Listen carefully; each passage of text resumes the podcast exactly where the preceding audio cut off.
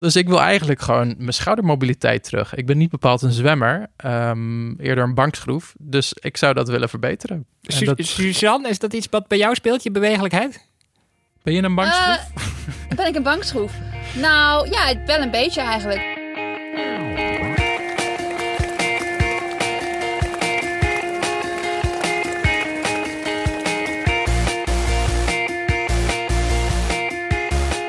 Welkom bij deze 15e aflevering van Suzy Q&A, de podcast over hardlopen, training en wedstrijden. Ik ben Olivier Heimel, hoofdredacteur van Runners World en naast mij zit mijn collega van Men's Health, Martin. En aan de lijn, live vanuit Flagstaff, in de auto, eh, want daar hoort straks een verhaal bij, zit Susan Crummins, de nummer 2 van Europa op 10.000 meter en oh zoveel meer. Suzanne, even namens de bank, ik hoor dat je een flinke zuurstofschuld hebt.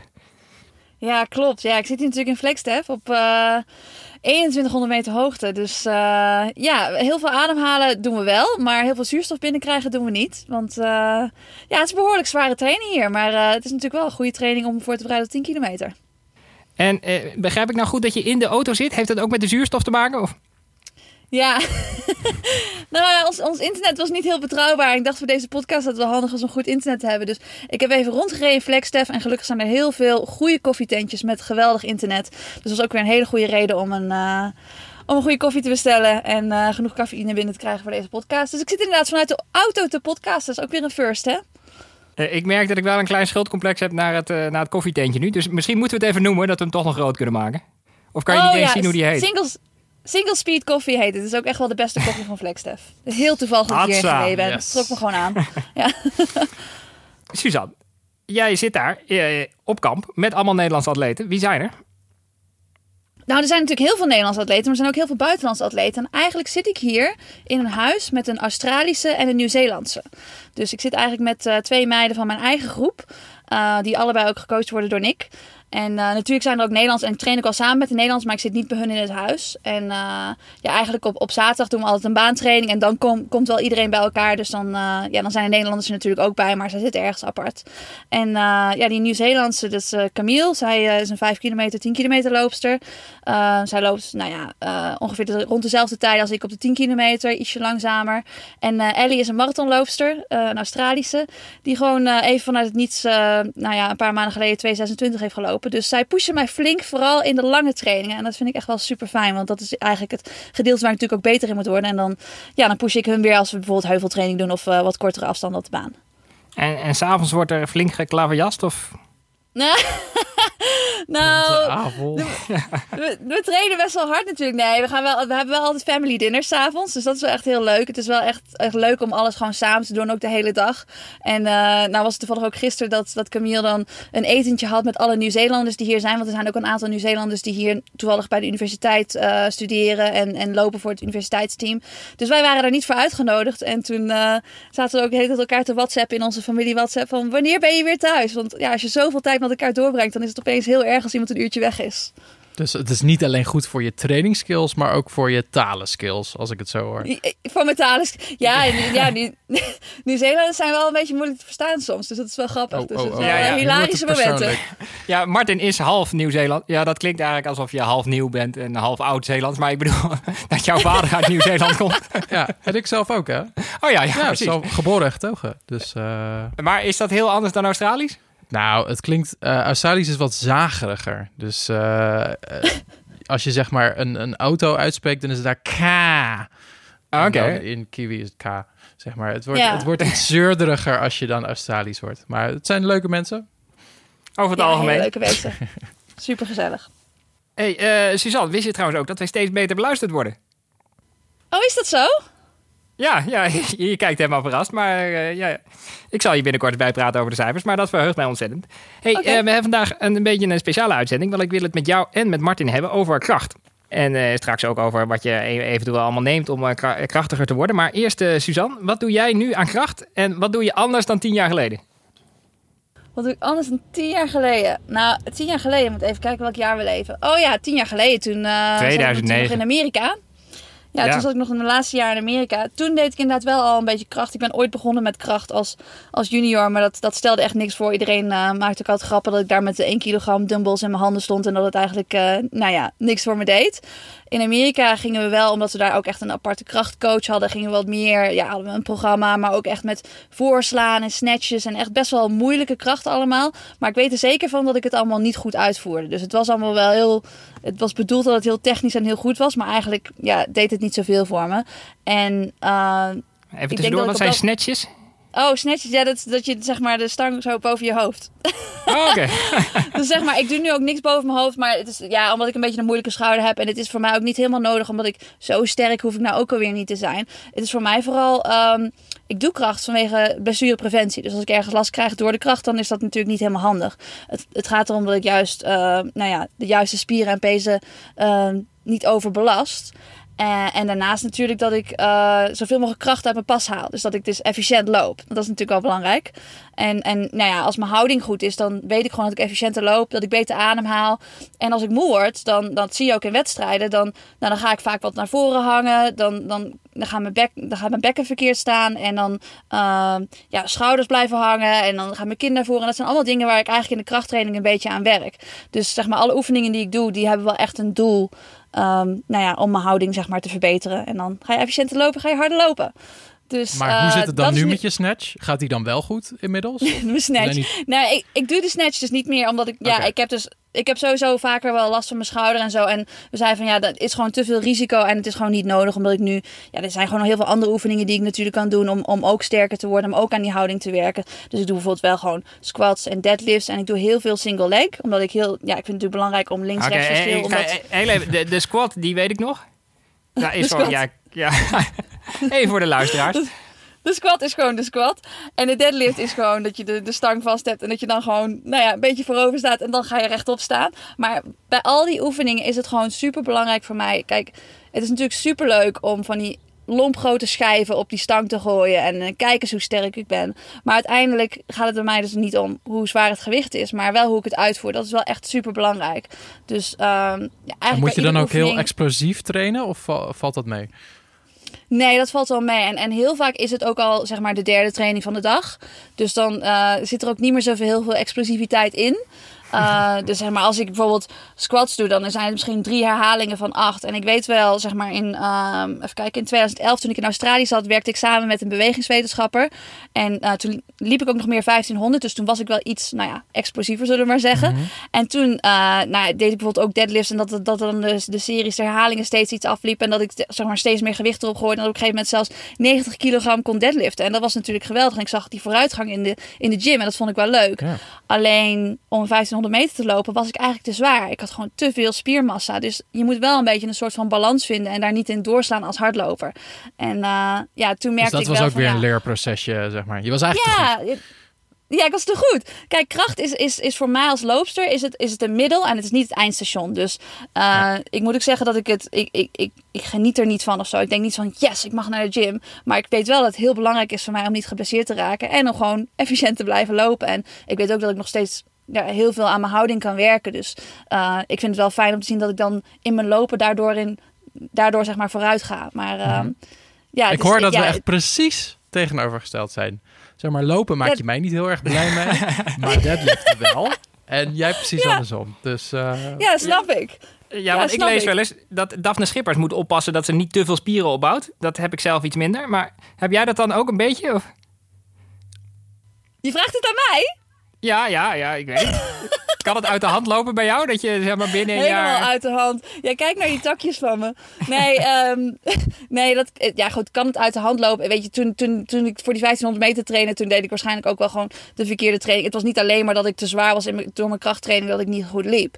Maar ehm, ja, te veel spiermassa. Ik, ik, ik bracht gewoon te veel tijd in de gym door en ik liep niet genoeg kilometers. Ehm, en daardoor word je vanzelf te zwaar. Maar ja, het is inderdaad zo. Ik ga niet geheel geïsoleerd één spier trainen. Het moet echt wel functionele kracht zijn. Want anders dan ja, neem je inderdaad wel gewoon spiermassa mee. Het heeft voor mij niet zoveel zin om hele dikke spierballen op mijn schouders te hebben. Want ja, die sleep je alleen maar mee. Maar als ik mijn armen wel goed kan bewegen en daardoor niet zoveel draai, dan is het wel weer functioneel. Dus nou ja, er is een soort van balans. Balans is het kernwoord. Ik, eh, ik ga Ja. Martin, eh, onze, onze andere gast, even formeel introduceren nu. Eh, Martin, jij bent eh, online manager van Men's Health. Eh, je bent dus half Nieuw-Zeeland. Dat had ik net al uitvoerig heb uitgelegd. Eh, je hebt diabetes type 1. En eh, je bent toch eh, de, de breedste en gezondste man die je kent, zo'n beetje. Oh. En je presenteert een podcast die Gezond Verstand heet, aanrader. Eh, maar mijn grote vraag is aan jou vandaag. Stel dat ik naast een loper ook een beetje breder wil worden, anders dan Suzanne. Ja. Eh, wat zou ik daar dan voor moeten doen? Het makkelijkst eigenlijk, en dit is het advies wat niemand wil horen, is stoppen met lopen. Ehm, maar als we dat even wegdenken en al die calorieën die dus daarmee verbrandt, komt het eigenlijk neer op meer eten. Ehm, want je kan zeg maar trainen wat je wil. Je kan eh, een deadlift schema van jou van tien jaar geleden overnemen. Maar dan zul je niet dezelfde resultaten krijgen als je niet eh, genoeg eet. Dus eigenlijk is, is gewoon de eerste, eh, het eerste wat je moet doen, is genoeg calorieën naar binnen schuiven. Het is alsof ik naar mijn moeder luister, eh, Martin. Maar... hey, en de, de, de Cristiano Ronaldo manier, zeg maar iedere ochtend eh, duizend pu- push-ups, sit-ups. Ja, nou ja, kijk, als ik daar nu iets tegenin ga zeggen, dan denk je wat een idioot. Want kijk hoe Cristiano, Cristiano Ronaldo eruit ziet. Ehm, het werkt, het werkt zeker. Maar het probleem is dat je lichaam went overal aan. Elke prikkel die je lichaam krijgt, is een prikkel om te groeien. Dus als jij dag in, dag uit duizend herhalingen maakt, of duizend sit-ups of push-ups, zoals Cristiano doet, op een gegeven moment ja, stagneert je progressie en dan blijf je hetzelfde. En op een gegeven moment ga je misschien zelfs achteruit. Dus wat beter is, is het om het progressief te maken. Dus dat je bijvoorbeeld zegt van, nou, ik doe er bijvoorbeeld 50. Ehm, stel je voor, je zit op de 100 en je denkt, nou, dit duurt al lang genoeg. Kun je beter misschien 20 doen met een gewichtje op je rug bijvoorbeeld. Of dat je een gewichtje zo omhelst terwijl je sit-ups doet. Dat zijn manieren om het alsnog zwaarder te maken en om altijd nieuwe prikkels te kunnen krijgen. Ja, want als ik toch een overeenkomst tussen jullie twee eh, zie, behalve dan eh, de Nieuw-Zeeland-Australië-connectie, dan eh, volgens mij doen jullie allebei niet echt iets met grote apparaten, toch? Suzanne, zeg ik dat goed? Jij hebt dan meestal toch een, een, een halter in je handen, denk ik. Ja, nee, ik ga inderdaad niet, niet, niet, niet met niet een apparaat waar je helemaal in vast zit. Want dan hoef je ook niet meer te stabiliseren. En uiteindelijk st- stabiliteit en balans is natuurlijk een beetje het belangrijkste van ja, het doel van, van de krachttraining voor het hardlopen. Dus als ik ergens een apparaat vast ga zitten en dan een beetje van die, ja, zo'n sit-up apparaat of zo. Ja. Ehm, in Amerika hadden ze trouwens een heel grappig apparaat dat de voetbalplayers altijd gebruikten. En dan deden ze dan hun hoofd in. En dan moesten ze alleen maar gewoon met hun kin moesten ze zo bewegen. En dan gingen ze van hun Oh, nekspieren wauw. gingen ze trainen. Ik moest altijd zo lachen. Want het zijn echt gewoon zulke enorme apparaten om een of ander klein spiertje te trainen. Maar eh, ja, die apparaten heb ik inderdaad niet nodig. Als ik gewoon eh, een stang heb en een paar dumbbells. En verder is de Smith machine voor mij heel belangrijk voor mijn Achilles space loading. Dus dat is, wel, dat is wel iets wat ik echt ook het hele jaar door erin hou. En wat ik echt voor lopers heel belangrijk vind. Ik zie een enorme frons op uh, ja, ja, wel- welk apparaat zei je? Noem die? Eh, Smith machine, dat is zo'n dat is zo'n apparaat met een stang, maar die stang die zit zeg maar vast. Zeg maar, die beweegt op, op ik, andere ik zou niet bij Wikipedia gaan maar- werken, Suzanne. Een apparaat Alleen met maar een stang. verticaal. Ja.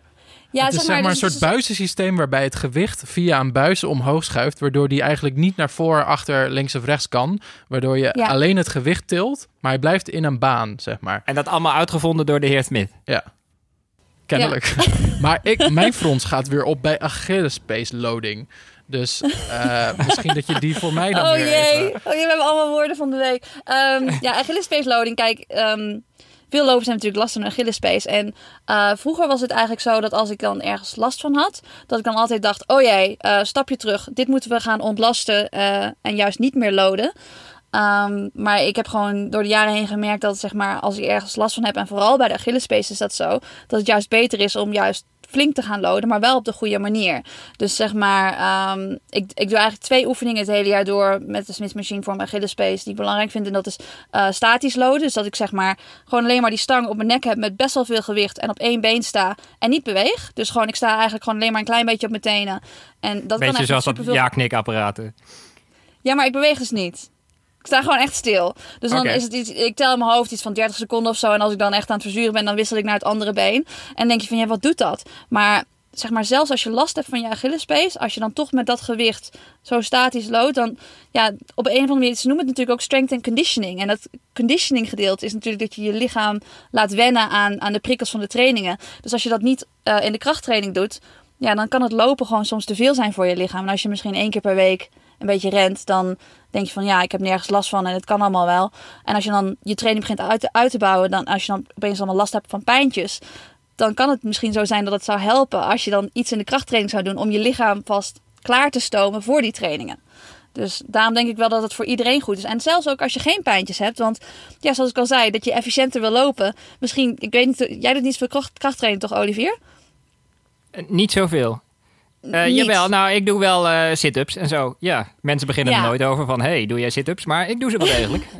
Je doet ze wel degelijk. Ja, maar kijk, zeg maar, jij denkt misschien als je geen blessures hebt dat je ook dat je geen krachttraining hoeft te doen. Maar misschien kun je nog wel veel efficiënter lopen en misschien kun je nog wel gewoon een minuut van je 10 kilometer tijd afhalen. Maar dat weet je pas als je daar misschien iets aan gaat doen en gaat kijken of je je loophouding kunt verbeteren. Dus, uh, Nou, maar goed, ik had het over Achillespees loading. Oh ja, de tweede oefening is eh, eccentric loading. Dat, ja, dat is dat je zeg maar ehm, dat de spier langer wordt terwijl je de oefening doet. Dus zeg maar dat je met twee benen omhoog en dan maar met één been, één been naar beneden. En die doe ik dus ook in de Smith machine.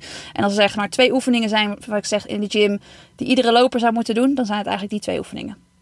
Klinkt als een perfect artikel. Ja, ja, dit is, eh, een, een auto maakt ook heel veel in je los, merk ik. Ehm, en qua, qua voeding, daar wil ik ook nog iets langer over doorpraten. Eh, ik heb zelf niet zo heel veel met voeding. Eh, nee? Zouden we jou eh, in een sterrenrestaurant kunnen zetten om je blij te maken? Eh, nee, nee, nee. Ik, ik vind in een restaurant heb ik er al moeite mee dat ik 9 van de 10 ingrediënten op de kaart zeg maar niet direct herken. Dus ik doe altijd wel alsof ik ze herken, maar dan staat er zoiets als een trombone van Mufasa op een, op een bedje van Maki Maki. En dan hoor ik mezelf zo heel, oh, oh, lekker. En dan komt vaak de ober ook nog een keer uitleggen van, het is een Mufasa op een trombone van eh, Maki Maki. nou, jullie herkennen dat. Dan moet je gewoon dus naar zo'n heel goedkoop restaurant gaan. Die hebben gewoon plaatjesmenu.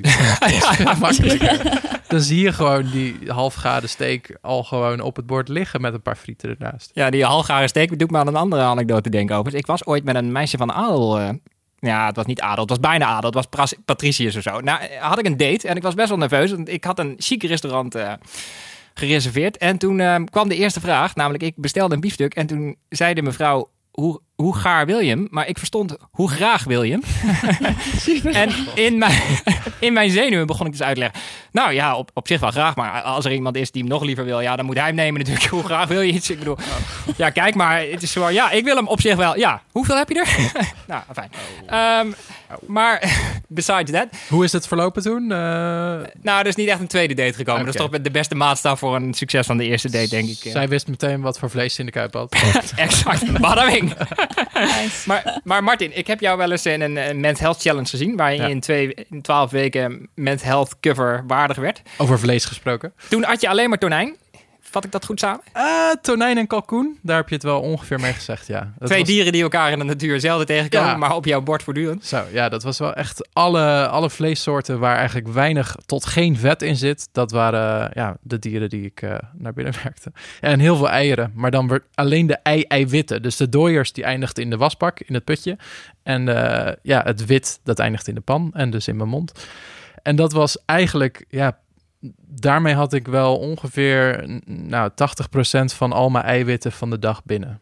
Dus, eh, Eh, Suzanne, is dit herkenbaar voor jou of ben je geen... eh, Nee, maar ik moet wel lachen dat hij alleen maar de eiwitten nam. Want ik zag, ik, ik liep hier door de Walmart en ze hadden echt zo'n 3 liter pak met eiwitten. Ik dacht echt, Oh, van, nou wat vies dit. top. Wat vies dit. nee, eh, nee ik eet de dooiers gewoon. Ik, ik geniet ook echt wel van de dooier. Dus ja. dus ik kijk het is dit wel niet, echt nee. het lekkerste deel. Zeker weten. Ja, Maar Ja. ja. kijk, als je dan wil opdrogen, dan eh er zit best wel een soort... een Opdroog redelijk- is de term voor, zeg maar, Ja, dat, je, dat je spieren, zeg maar, eh, bijna uit je vel springen. Zo, moet je het zien. En dat je aders over je arm lopen. Er zijn mensen die dat mooi vinden dus. En, ehm, waaronder ik.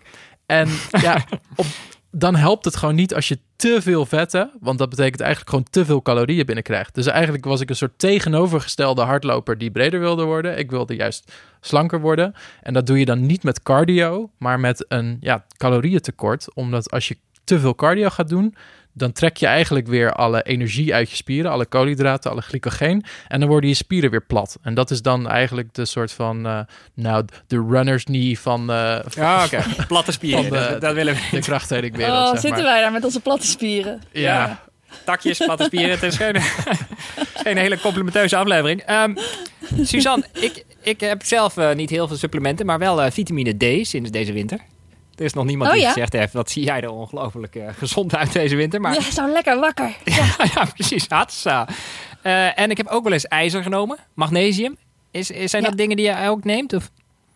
Uh, nou ja, ijzer vooral op hoogte. De, mijn ijzer is eigenlijk altijd wel goed. Alleen uh, op hoogte moet ik het wel iedere dag nemen. Omdat je dus inderdaad meer ijzer nodig hebt. Omdat je dus uh, ja, meer rode bloedlichaampjes aan het aanmaken bent door het zuurstoftekort. Omdat je dus meer zuurstof wil transporteren naar je spieren. Dus dan is ijzer voor mij heel belangrijk. maar het hele jaar door neem ik geen ijzer. Um, ik neem wel multivitamine, visolie, maar op zich niet zo heel veel spannende supplementen. En magnesium bijvoorbeeld, ja, dat zou je kunnen nemen inderdaad als je opeens uh, hele ernstige spierpijn hebt of zo. Maar ik heb daar eigenlijk meestal niet zo last van. en uh, eiwitten neem ik zomaar aan? Eiwitten uiteraard. Ja, na, na iedere training neem ik eiwitten. Ik heb gewoon uh, eiwitshakes die ik dan neem. Dat is wel zo makkelijk. En heel vaak na een zware training heb ik ook eigenlijk geen zin in in gewoon, uh, hoe zeg je dat? Solid voedsel. dus dan, dan kan ik echt gewoon, als ik echt hard getraind heb, zoals bijvoorbeeld gisteren deden we een, een threshold en daarna nog wat heuvels. En toen zat ik, echt, zat ik echt zo kapot dat ik echt gewoon meteen daarna eigenlijk niet kon eten. En dat ik, uh, ja, dat ik eigenlijk alleen maar een shake wilde drinken. Dus dat is dan wel handig. En ze zijn ook vaak best lekker met zo'n smaakje. Ja, inderdaad. Ja, en als je hem in de blender gooit met wat fruit erbij of zo, dan is het helemaal te gek. Maar heel vaak eh, neem ik een shake gewoon lekker op locatie. Neem ik natuurlijk gewoon mee dat ik het echt meteen na de training neem. Dus uh, ja, het is wel super handig. Nou, Olivier heeft er net ook eentje achter kiezen oh ja? kun, kun, je daar iets over zeggen, Olivier? ja, Martin heeft me denk ergens in december, misschien januari, een, uh, een flesje gegeven. En ik, ik vond hem net in de kast. En hij ging tot 26 april was hij goed. Ja, dat, dat, nou, echt een geluksmomentje. Dus ik denk, ik sla hem gewoon achterover weg. Maar had ik misschien niet moeten doen, want de substantie veranderde een beetje van vorm halverwege het flesje. Maar uh, ik ben Hij was voor in de koeling en dat was, uh, dat was niet gelukt. Mocht Martin de aflevering zo overnemen, dan weet je wat er gebeurt. Dus we gaan even naar ons eerste segment. Ask Suzy. Stuur je vragen in, dan beantwoordt Suzanne die hoogstpersoonlijk in de uitzending. Martin, denk gewoon even na. De eerste vraag is wel heel specifiek voor Suzanne. Um, want uh, het is een vraag van Kort Datema. Die kwam ik toevallig tegen bij Prins Hendrik in Vught. En die heeft een fout ontdekt in hasbal, het warming-up spel dat jij zo enthousiast propageert. Hij zegt oh namelijk dat de junioren die voor een pion gaan staan en die pion die moeten ze dan verdedigen, te, te zeer bij die pion blijven. Dus hij, hij pleit voor een cirkel om de pion heen. Het is een beetje een technisch vraag dit, maar eh, denk je mee met ja. het score? Ja, nou, wat, wat wij vroeger vaak deden, is dat, dat je, je moet ze een beetje verrassen met de aanval. Dus je moet dan een, uh, op een gegeven moment moet je dan eigenlijk vanuit het achterveld een lange bal spelen. En dan zijn ze nog niet bij de pion omdat je dus met niet zoveel mensen speelt, zitten zij dan nog allemaal in de aanval. Dus uh, dat deed ik Ah. eigenlijk heel vaak. Dus gewoon een lange bal spelen. En dan, uh, ja, als je heel vaak heel kort snel overgooit. En als je ook met te veel mensen in het veld staat, dan, dan wordt het inderdaad veel te druk om die pion. Dus dat is. Uh, ja, dan, dan uh, moet je het misschien opsplitsen in twee spellen. Uh, ik denk dat je met maximaal misschien tien, na, ik denk zelfs minder, misschien zes per team of zo. En dan ren je ook lekker veel. En dan is het ook echt een warming-up spel. Want als je met te veel loopt, dan, ja, dan hoef je eigenlijk ook te weinig te doen. En dan nou ja, krijg je het misschien wel koud tijdens de warming-up. Het is uh, volgens mij is Cor helemaal gelukkig met het antwoord. Ik Iets verder gooien, Cor. ja, precies. Iets verder gooien. Een vraag op Instagram van Lars VZ. Wanneer is jouw training geslaagd? Is dat een tijd? Is dat een gevoel? Uh, is dat een tijd? Is dat een... Ja, het ligt een beetje aan uh, op, over wat voor training je hebt. Want hier bijvoorbeeld, um, ik doe twee kwaliteitstrainingen. Ja, echt een kwaliteitstraining? Ja, een kwaliteitstraining. Ik doe hier twee per week en dat is dan uh, een, een threshold en een baantraining. Nou, een baantraining is de training geslaagd als ik alle tijden haal. Dus ik, ik moet gewoon bepaalde tijden lopen voor mijn intervallen. Um, maar soms is de training ook zo zwaar dat ik de, dat ik de tijden niet kan halen. En dan nou ja, geef ik daarna de feedback aan Nick. En dan zeg ik van, uh, dat was nog, zeg maar, afgelopen zaterdag had ik een paar tijden niet gehaald. En ik was zelf echt wel een beetje teleurgesteld. En zeiden ja, ik dacht eigenlijk wel dat het een beetje lastig zou worden. Maar ik dacht van, je moet jezelf even pushen en eventjes, uh, eventjes echt stuk gaan, echt doodgaan. Voordat je een keertje je 10 kilometer loopt. Want ik loop natuurlijk volgende week alweer een 10 kilometer. En als je dat gevoel uh, niet een keertje in de training hebt meegemaakt. Dan is het heel lastig om daar doorheen te pushen tijdens de wedstrijd. Dus uh, uiteindelijk was die training wel geslaagd, terwijl ik de tijden niet gelopen had. Maar ik ben wel echt kapot gegaan. Maar dat heeft hij me expres van tevoren natuurlijk niet verteld. Want als ik van tevoren al weet, oké, vandaag ga ik echt dood en ik ga die tijden niet halen.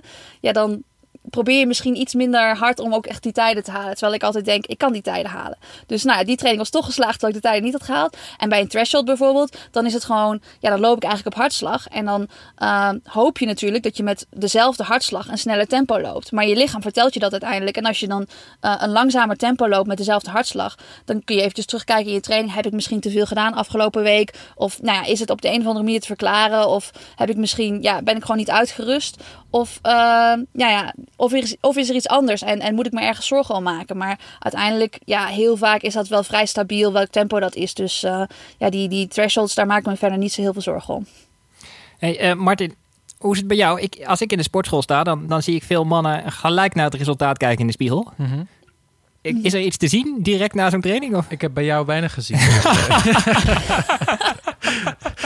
Ehm, nou, wat je als allereerst ziet is eh, het bloed stroomt rijkelijk naar je spieren als je eh, een goede pomp hebt in je arm. Dus eh, stel je voor, je hebt nog nooit getraind en je gaat ineens armen trainen, dan zie je al gewoon dat er een grotere bult op je arm is. En datzelfde geldt voor je benen, voor je borst, en voor je rug. Eh, alles zwelt een beetje op. En dat effect houdt ook nog wel eventjes aan. Dus zelfs de dag daarna kun je nog wel, ook al, ik bedoel, je bloed spoelt wel weer weg. Maar je blijft een beetje die vollere pump, pump, eh, heel Hollands, eh, houden. Dus in die zin, zonder dat je meer spiermassa hebt, heb je wel gelijk al resultaat. En daarom, ehm, spiegels in de sportschool leken altijd voor uitvoering. Maar in praktijk is het gewoon eigenlijk, mensen trekken tegenwoordig een zo klein mogelijk hemdje aan. Zodat ze meer arm kunnen zien, oftewel meer pump. Eh, en dan voelen ze zich ook beter. En dat motiveert wel. Ik, ik, ja, Ja, je bent er niet helemaal ongevoelig voor. Want Nee. bij mij in de sportschool hangt zo'n bordje met mannen, hou je short, short aan. Shirt. Shirt, short Hou nou je shirt aan. Aan. Wow, spannende Een hele sportschool. bijzondere. Ja, dat is wel beter, denk ik. Ah, fijn. Ik eh, ga heel snel door naar de volgende vraag, merk ik. Een eh, vraag van eh, Julie Fayatza. Ik hoop dat ik het goed uitspreek, Julie. Waarom train je niet in Kenia? Die is, niet, die is niet voor mij, toch? Is die voor mij? Ja, die is voor jou. Ja, waarom train je niet in Kenia? Iedereen traint in Kenia? Iedereen wordt beter in Kenia en jij zit er maar in Ja. Australië. Nou ja, ik heb al wel eens eerder gezegd. Ik, ik, ik, er is ooit een hele stage heb ik geboekt om naar Kenia te gaan. En toen raakte ik geblesseerd. Ja. Die stage was al geboekt, dus het plan was er wel om naar Kenia te gaan. En toen kreeg ik natuurlijk mijn, eh, ja, mijn, mijn voetblessure, de, dat ik de peesplaat had gescheurd. En toen, ja, sindsdien is die voet is nog steeds wel een beetje een zwak punt. En op hele moeilijke ondergrond merk ik gewoon dat ik eh, ja, heel voorzichtig moet zijn met mijn trainingen. En dat ik dus ook gewoon veel minder kan trainen. En dat is gewoon echt een risico. Dus eh, ik ga nu niet opeens op een nieuwe plek lopen waar ik nog nooit eerder heb gelopen. Dus ik denk nu dat Kenia inderdaad niet meer gaat gebeuren. En dat is bijvoorbeeld ook een voordeel hier in Flagstaff. Er zijn gewoon zoveel trails. Het is gewoon... Ze hebben hier zo'n eh, urban trail system. En het is echt eh, 90 kilometer aan paden met allemaal supergoeie ondergrond. En dan merk ik ook gewoon dat ik eigenlijk veel meer kilometers kan trainen en veel meer trainingen kan doen. Omdat het gewoon een stukje veiliger is. En natuurlijk probeer ik wel zeg maar, mijn lichaam te prikkelen door heuvels in te bouwen. Ik vind het allemaal. Maar als het moet en als ik ergens last van heb. Want ja, het is eh, vaak genoeg dat ik 's ochtends vroeg wakker word en denk van nou, die Achillespees die voet die voelt niet zo lekker. Dan kan ik gewoon op een heel eh, vlak pad gaan lopen. En in Kenia heb je wat minder opties om dat te doen. En daarnaast zijn er ook veel minder opties om bijvoorbeeld alternatief te trainen. En hier heb je dus een hele grote gym met veel ellipticals. En ik kan ook op de AlterG lopen. Dus ja, heb ik veel meer andere opties als ik ergens wel een pijntje heb. Dus nou ja, vandaar dat ik nu dus niet meer naar Kenia ga. Kortom, Kenia, het is niet persoonlijk. Nee, Ehm, als, je, als je gewoon lekker veel kunt lopen, dan is het gewoon een perfecte plek volgens mij om sterk te worden. Heel goed. Een vraag van Vienna Romané. Suzanne, je vertelde laatst dat een warm bad onverstandig is voor een wedstrijd. Oh. Geldt dat ook voor een bezoek aan de sauna? Heb ik dat echt gezegd, ja? ja, ik Nou ja, jij niet. zei dat je wel eens een bad zag en dat, dat je man dan zei: nee, nee, nee, mevrouw, ja, jij gaat klopt. niet in bad. Want... Nee, je gaat niet in bad. Nee, dat klopt. Ehm, ja, is dat voor een... Ja, ik, ik denk niet dat dat heel handig is voor de training. Nee, of voor, voor een wedstrijd. Ik, ik, eh, je kunt het natuurlijk ook een beetje proberen, uit, hè? Ja, je kunt het natuurlijk proberen als je wil. Maar ik, ik heb wel gehoord dat mensen natuurlijk in de sauna gaan zitten meteen na een training. Ja, ja dat doen wij in eh, Portugal wel eens. Ja, en dat is dan Er is ook niet zo heel veel om- anders te doen dan in de sauna te gaan zitten, zo is het ook. Maar... Ja, in plaats van een ijsbad bijvoorbeeld. En, en het schijnt dan ook dat als je dan bijvoorbeeld eh, ja, aan het trainen bent voor, voor een wedstrijd die in, op een warme plek is. Dus dat je een beetje wil acclima- acclimatiseren. Dat dat kan helpen. Dat je dus zeg maar al warm bent van de training. En dat je dan nog even in de sauna gaat zitten. Dus eh, nou, ja, het schijnt dat we dat soort dingen kunnen gaan doen voor Tokio. Ja, Ik weet het niet. Ik heb het zelf nog nooit geprobeerd. Maar je kunt het zelf toch eventjes eh, je kunt het zelfs een keertje uitproberen. En een wedstrijdje lopen. En dan, oh ja, ging toch niet zo goed. Dan doen we dat de volgende keer niet. Ik kan me zomaar voorstellen dat je hartslag al dusdanig verhoogd is. Dat je dan al. En dat je dus heel veel vocht bent kwijtgeraakt. Dat je, misschien loop je wel eerder tegen de, de man met de hamer aan. Kan, ik- misschien piek je wel veel vroeger. ja maar, Martin, jij zit in een, in een tak van sport waar het gewicht belangrijk is. Dan moet Ja. je in een bepaalde gewichtsklasse komen, toch? Voor... Ja, voor powerliften is dat. eh, Want dan ga je wel eens in de sauna zitten, toch? Met een regenpak aan. En, eh, ja, je kan dus. ehm, je kan, nou ja, dat, bij powerliften heb je meestal gewoon redelijk steady gewicht. Maar Heel even voor de luisteraars, wat is powerliften? Dat is Powerlift is eigenlijk dat je die, die oefeningen die, eh, die jij net noemde, de deadlift bijvoorbeeld, eh, benchpressen en de squat, dat je die zo zwaar mogelijk één keer optilt. En eh, ik Voor een publiek bijvoorbeeld met een... gewichtsklasse tot 105 kilo.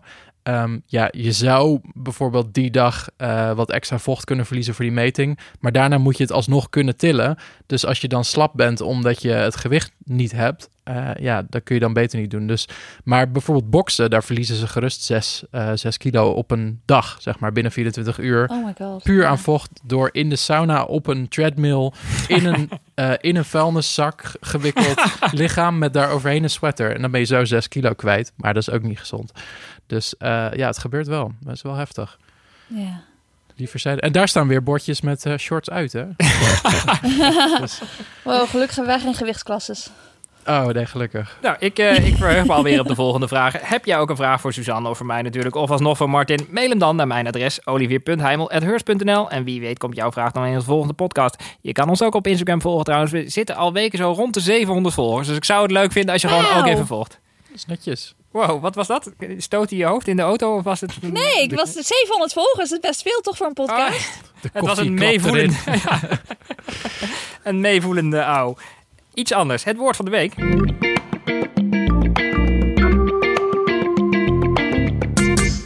Die was ik de vorige keer gewoon helemaal vergeten trouwens. Excuses nog. Is dat zo? Ja. Dus is dit dan het woord van vorige week of van deze week? Ik, ik, ja, het is een goede vraag, Martin. Ik denk dat het de vraag van deze week is. Ik, ik had namelijk bedacht de Rockies. Want ze waren vanochtend in het nieuws. En volgens mij, mijn geografische informatie, zit jij naast de Rocky Mountains momenteel. Is dat Klopt zo? Ja, ik weet het echt niet. Arizona, bekend van de Rocky Mountains.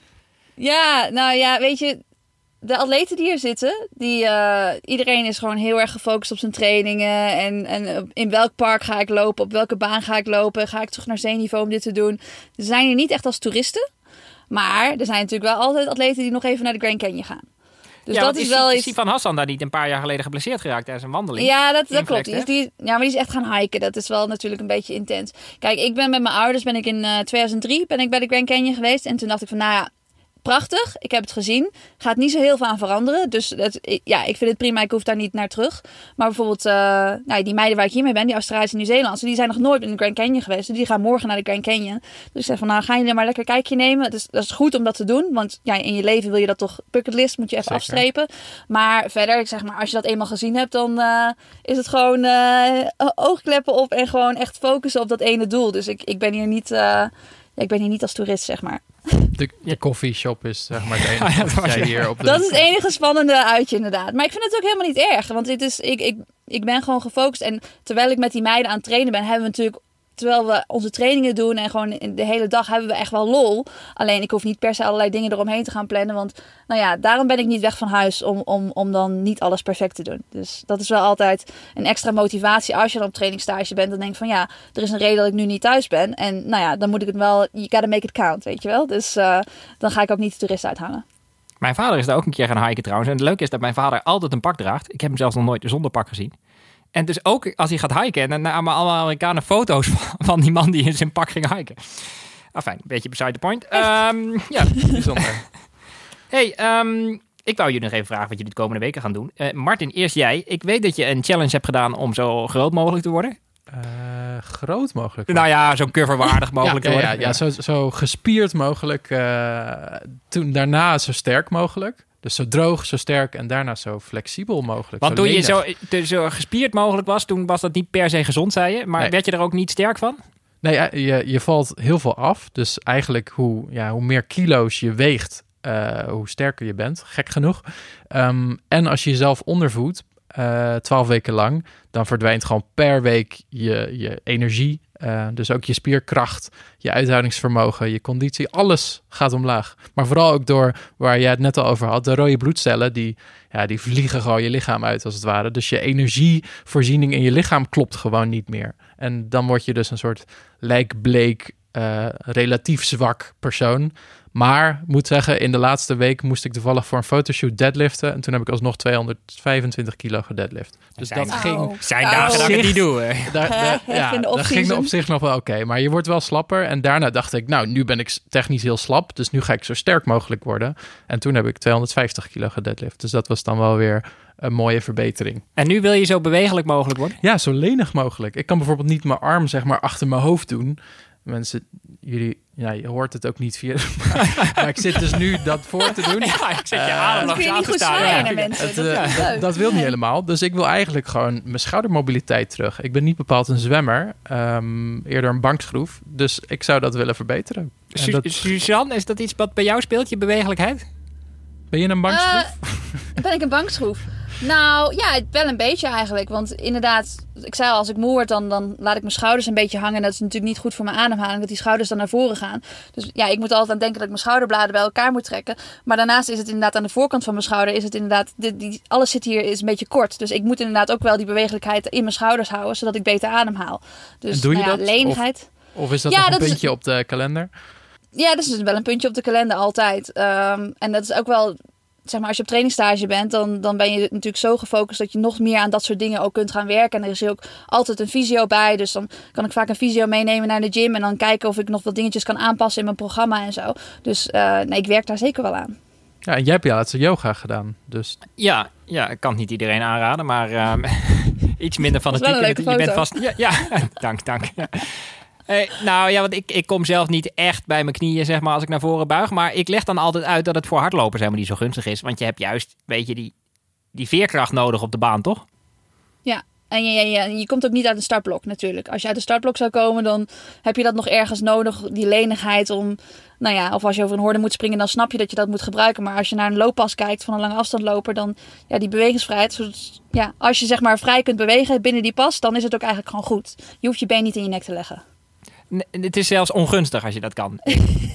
ik wil Martin niet demotiveren, maar daar gaan we Ja, maar hij wil toch niet lopen, dus dat is perfect. nee, nee, precies. Want Martin, jij hebt me wel eens uitgelegd dat de grens een beetje bij, zes, eh, bij 36 minuten ligt, toch? Ja, als je. d- Er is een soort van. Ja, iets onder krachtsporters die dan bang zijn om spieren te verliezen. Die trainen dan. eh, als ze gaan hardlopen, is het ongeveer maximaal 36 minuten. Dat klinkt om- al vrij specifiek voor een ongeveer. Maar... Ja, Dat was gisteren ongeveer mijn maximaal.